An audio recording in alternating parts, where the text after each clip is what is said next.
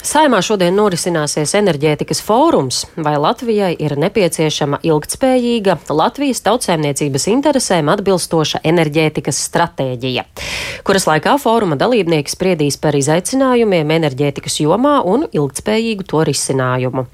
Fóruma noslēgumā Saimas frakciju pārstāvji plāno parakstīt sadarbības memorandu par Latvijas enerģētikas stratēģiju 2023. un 2050. gadam un savu stratēģijas projektu projektu prezentēs arī klimata un enerģētikas ministrs Raimons Čudars no jaunās vienotības, ar kuru esam šorīt sazvanījušies. Labrīt!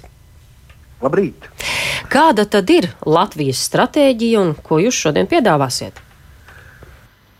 Enerģētikā notiek transformācija, tā skar ne tikai Latviju, tā skar kopumā Eiropu un arī visu pasauli. Un, protams, mums ir jāizmanto tās iespējas, kas tieši ir Latvijā, Mums ir liels potenciāls palielināt atjaunīgo energoresursu daļu tieši enerģijas ražošanā, un tas, protams, mums ir jāizmanto. Un mēs šobrīd jau runājam par visām praktiskām lietām, kas būtu jādara, pamatojoties jau uz iepriekš pieņemto Nacionālo enerģētikas un klimata plānu.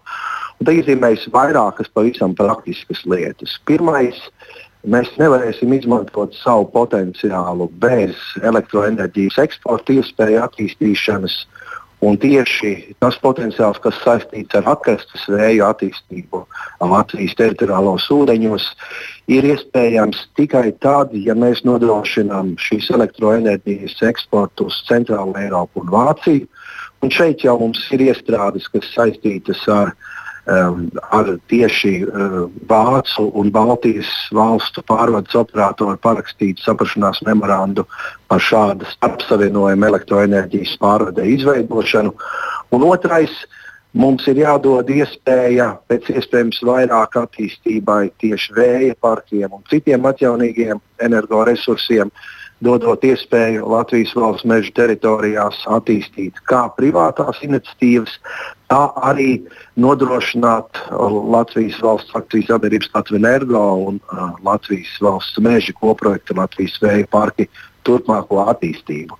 Mums ir iztrūkums kopīgi Baltijā elektroenerģijas ražošanā, un šis iztrūkums ir aizpildāms ar atjaunīgiem energoresursiem. Jā, nu mēs, jūs minējāt, un mēs arī bieži pa laikam dzirdam dažādas runas par vēja parku projektiem, iespējām tos veidot jūrā, plašos laukos, mežos, kā minējāt. Ir konkrēti aktuāli projekti šobrīd, kas tiek īstenoti vai, vai kuri jau varētu tuvākajā laikā būt gaidāmi?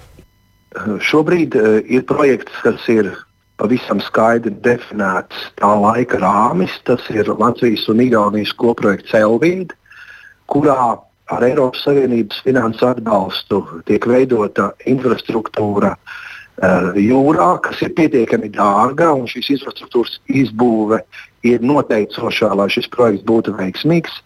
Ir pieņemts lēmums par ietekmi uz vidi novērtējumu, un uh, mēs ceram, uh, ka pēc gada uh, Eh, situācija būs eh, tāda, ka iespējams šos vēja laukus izsolīt, piesaistot investīcijas. Tie ir divi vēja lauki, viens Latvijas teritorijā, viens Igaunijas teritorijā, katrs 500 megawati uh, uh, potenciālu.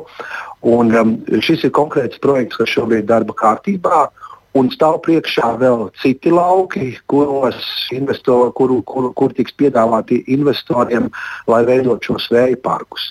E, te gan ir jāpiebilst, ka tieši atkrastes vēja parki, e, tā iespējamā saražotā elektroenerģija no atkrastes vēja parkiem ir pietiekami liela, un bez tās eksportēšanas ārpus Baltijas reģiona mums neiztikt.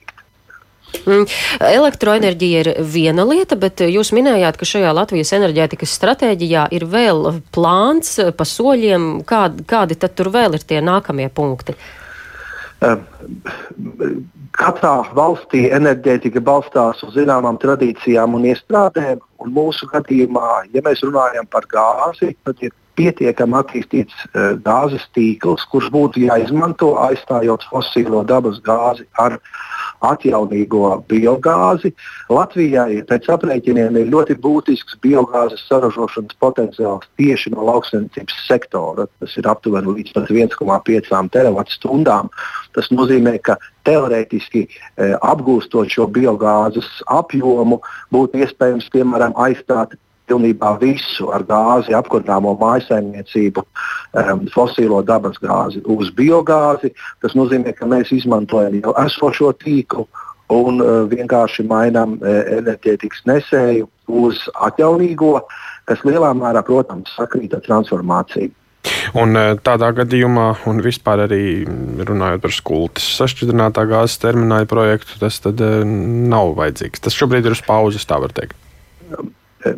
Mēs e, šobrīd runājam Baltijas reģionā par pārkraušanas, sašķirinātās dabasgāzes pārkraušanas apjomiem, kas tuvojas 80 teravatstundām. Pagājušo gadā viss Baltijas reģions kopā ar Somiju patērēja 40 teravatstundas, proti uz pusi mazāk. Mums šobrīd nav problēma tieši sašķinātās dabasgāzes infrastruktūras attīstībā.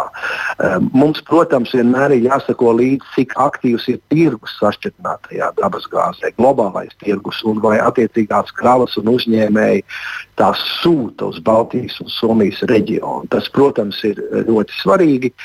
Šobrīd infrastruktūra netrūkst. Uh, un uh, mēs esam vienojušies ar mūsu kolēģiem Igaunijā par iespējamību uh, ātri iedarbināt tieši paldisku um, sašķinātās dabasgāzes terminālu infrastruktūru, nogādājot tur speciālo uh, regasifikācijas kuģi, jo paldiski ir pilnībā gatavi. Bet uh, šāda veida darbības notiktu tad, ja tiešām iestātos krīzes situācija, uh, Eh, kas saistīta ar kādiem neparedzētiem apstākļiem. Šobrīd tirgus ir dzīves un aktīvs, un piegādes notiek. Bet ar skultas termināļu projektu tur ir šobrīd viss uz pauzes, vai varētu būt tālāk kāda vienošanās ar investoru? Skultas termināla projekts ir projekts, ko attīsta privāts investors un skūts termināla projektā Latvijas valdība un saima ir pieņēmusi virkni lēmumu, kas sekmētu šāda veida infrastruktūras izbūvi, nodefinējot to par nacionālo interešu objektu. Tāpat arī nosakot atvieglotus noteikumus tieši ietekmi uz vidu novērtējumu procedūrai. E, jebkurā gadījumā šāda veida infrastruktūra, ko e, veids un ko, ko rāda privāta investīcija, būtu vēlama. Un tā ir arī iespēja, ņemot vērā uh, iepriekš pieņemtos valdības lēmumus, uh, bet, uh, protams, ir tirgus apstākļi, kas nosaka šīs infrastruktūras izbūves pamatotību. Uh, bet jebkurā gadījumā pastāv iespēja, ka tas tiek realizēts ar privātām investīcijām. Un eh, par gāzi vēl runājot. Šobrīd tās gāzes cenas ir eh, nu, krietni pievilcīgākas nekā tās bija pirms vairākiem mēnešiem. Vai tas nozīmē, ka šobrīd aktīvi veidojam krājumus un nākamajā gaidāmajā apkurses sezonā nebūs vairs tik daudz jāmaksā iedzīvotājiem par gāzi? Noteikti nebūs tik daudz jāmaksā. Tas šobrīd jau ir skaidrs, ņemot vērā tās prognozes, kādas ir eh, sašķinātās dabas gāzes tirgū. Un arī birža eh, parāda šīs pozitīvās tendences. Tas nozīmē, ka parasti šis ir laiks, un tas arī notiek, kad uzņēmēji veido gāzes krātus. Mums šajā gadījumā tiešām ir jāizmanto mūsu priekšrocība, kas saistīta ar Inču kalnu pazemes dabas krātuvi. Un e, notiek e, šīs dabas krātuves aizpildīšana. E, rezervācija Inčukalna dabasgāzes krātuvē šajā gadā ir ļoti būtiska, faktiski daudz augstāka nekā citus gadus. Tas liecina par interesi.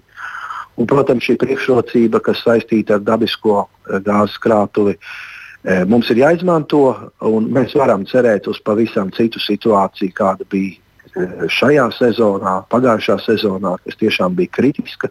Daudzas mazsaimniecības saņēma rēķinus, kur bija milzīgi. E, tirgus savu atbildi sniedzis, un e, mēs tiešām varam raudzīties šobrīd daudz optimistiskāk nākotnē.